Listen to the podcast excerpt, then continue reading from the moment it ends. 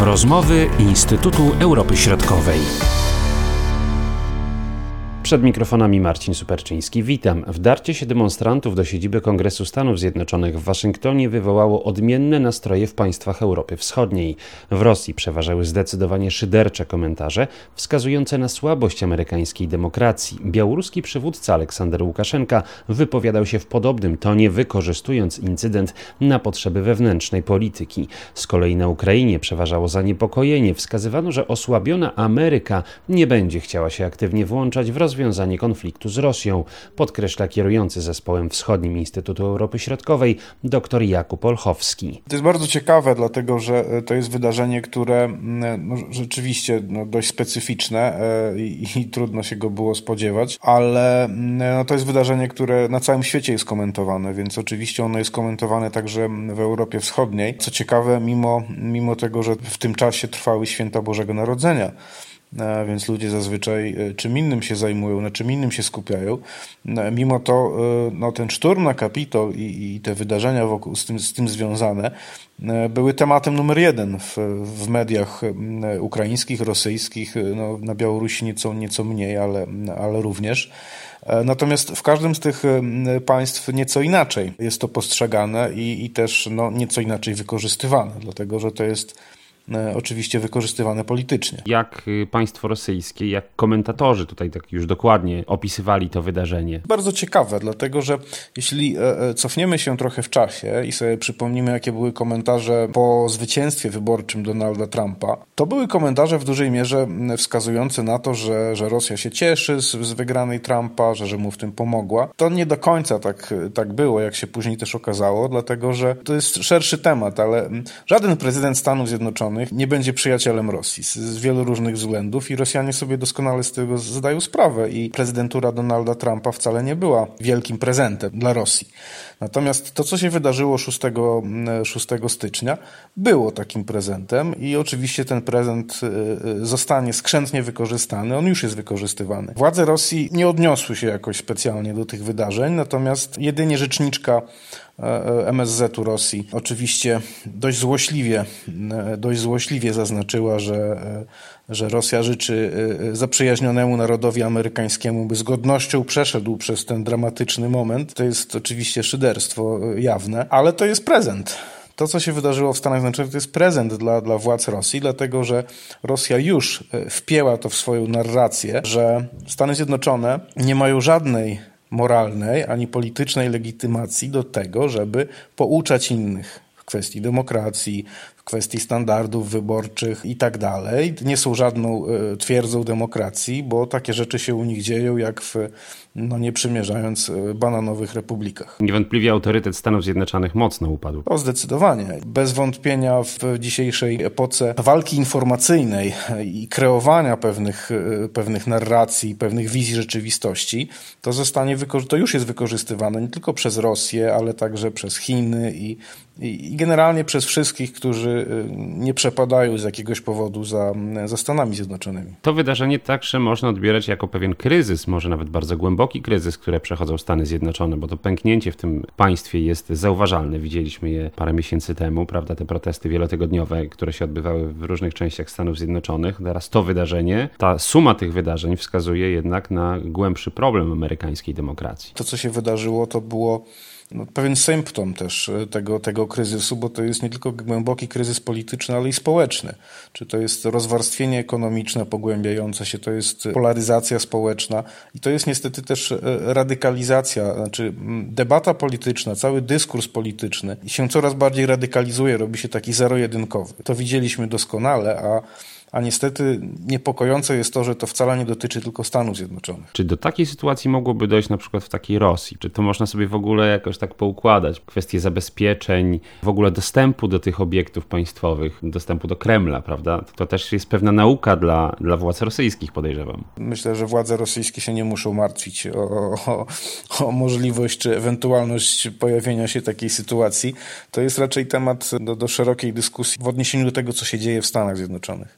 E, nie tylko chodzi o, o, procedury bezpieczeństwa, bo rzeczywiście te tutaj zawiodły i, i eksperci od bezpieczeństwa mm, już e, mm, czy już formują takie tezy, że Amerykanie za bardzo się skupili, i to, i to 20 lat temu już, po 11 września, za bardzo skupili się na walce z y, terroryzmem międzynarodowym, e, a zapomnieli o tym, że, że jest niestety wewnątrz, mają poważniejszy problem. Bo jeśli sobie tak swoją drogą, jeśli sobie policzymy, ilu Amerykanów mm, e, e, ginie, zginęło z rąk terrorystów islamskich, islamistów, i porównamy to z, z tym, ilu Amerykanów zginęło z rąk swoich rodaków w ciągu ostatnich 20 lat, to, to, to to jest gigantyczna różnica. Amerykanie generalnie do siebie strzelają, a, a to, ilu ich zginęło w wyniku zamachów terrorystycznych e, e, no, przeprowadzanych przez na przykład ekstremistów islamskich, to jest, to jest malutki, malutki odsetek e, tej liczby ofiar przemocy w, w, Stanach Zjednoczonych. Więc oni mają problem wewnętrzny z bezpieczeństwem po prostu. To osłabienie amerykańskiej demokracji, ono oczywiście E, powoduje, że więcej optymizmu i, no nie chcę powiedzieć radości, ale raczej takiego pozytywnego może nawet odbioru jest w Rosji, prawda?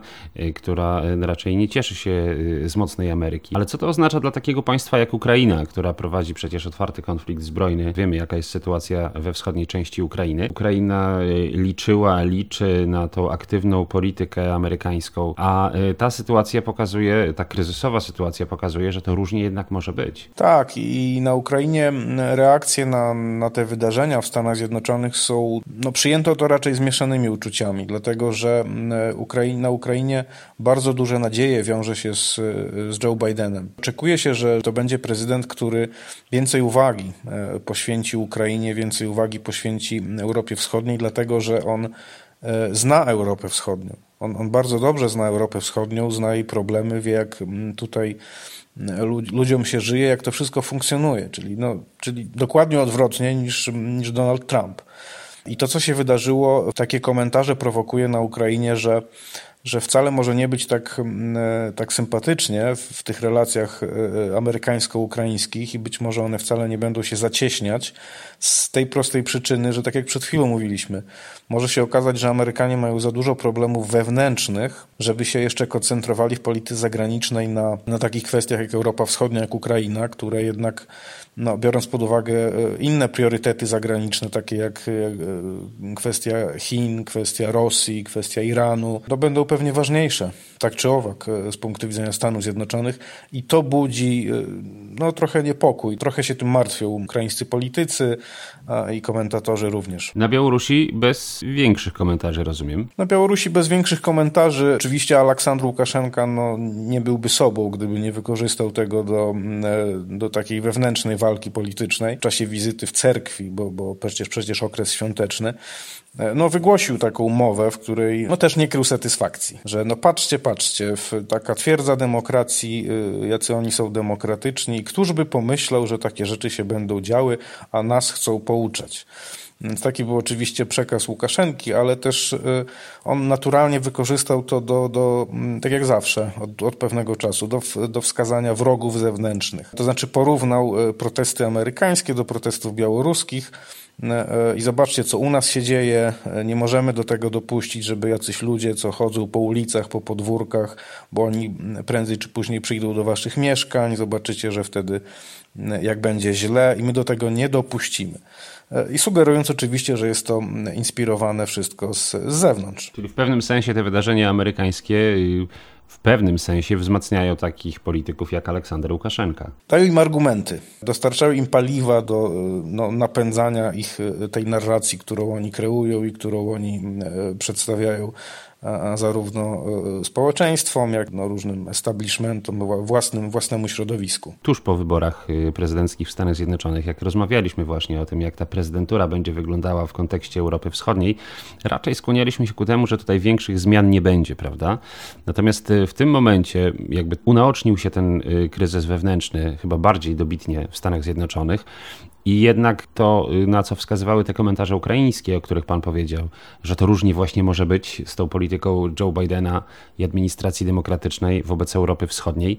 Czy tutaj są pewne zagrożenia także dla polityki bezpieczeństwa y, naszego kraju? Nie jest to wykluczone i, i, i pewnie y, to mogą być obawy podobne do tych, które, które pojawiły się na Ukrainie. Jeśli Amerykanie będą musieli skoncentrować się bardziej na polityce wewnętrznej, to rzeczywiście te gwarancje bezpieczeństwa, parasol bezpieczeństwa, który Amerykanie rozpościerają nad, nad Europą, nad nami również, no może być trochę słabszy i, i być może, co, co właściwie nie jest żadną nowością, ale być może trzeba, trzeba myśleć o własnym bezpieczeństwie w taki sposób, że my jesteśmy za nie odpowiedzialni. I być może rzeczywiście y, warto zwrócić się ku tym, którzy są najbliżej. Mówię o członkach NATO i Unii Europejskiej, czyli no, no oczywiście Europie, Europie Zachodniej, Europie Środkowej. Mówił dr Jakub Olchowski. Marcin Superczyński. Do usłyszenia. Były to rozmowy Instytutu Europy Środkowej.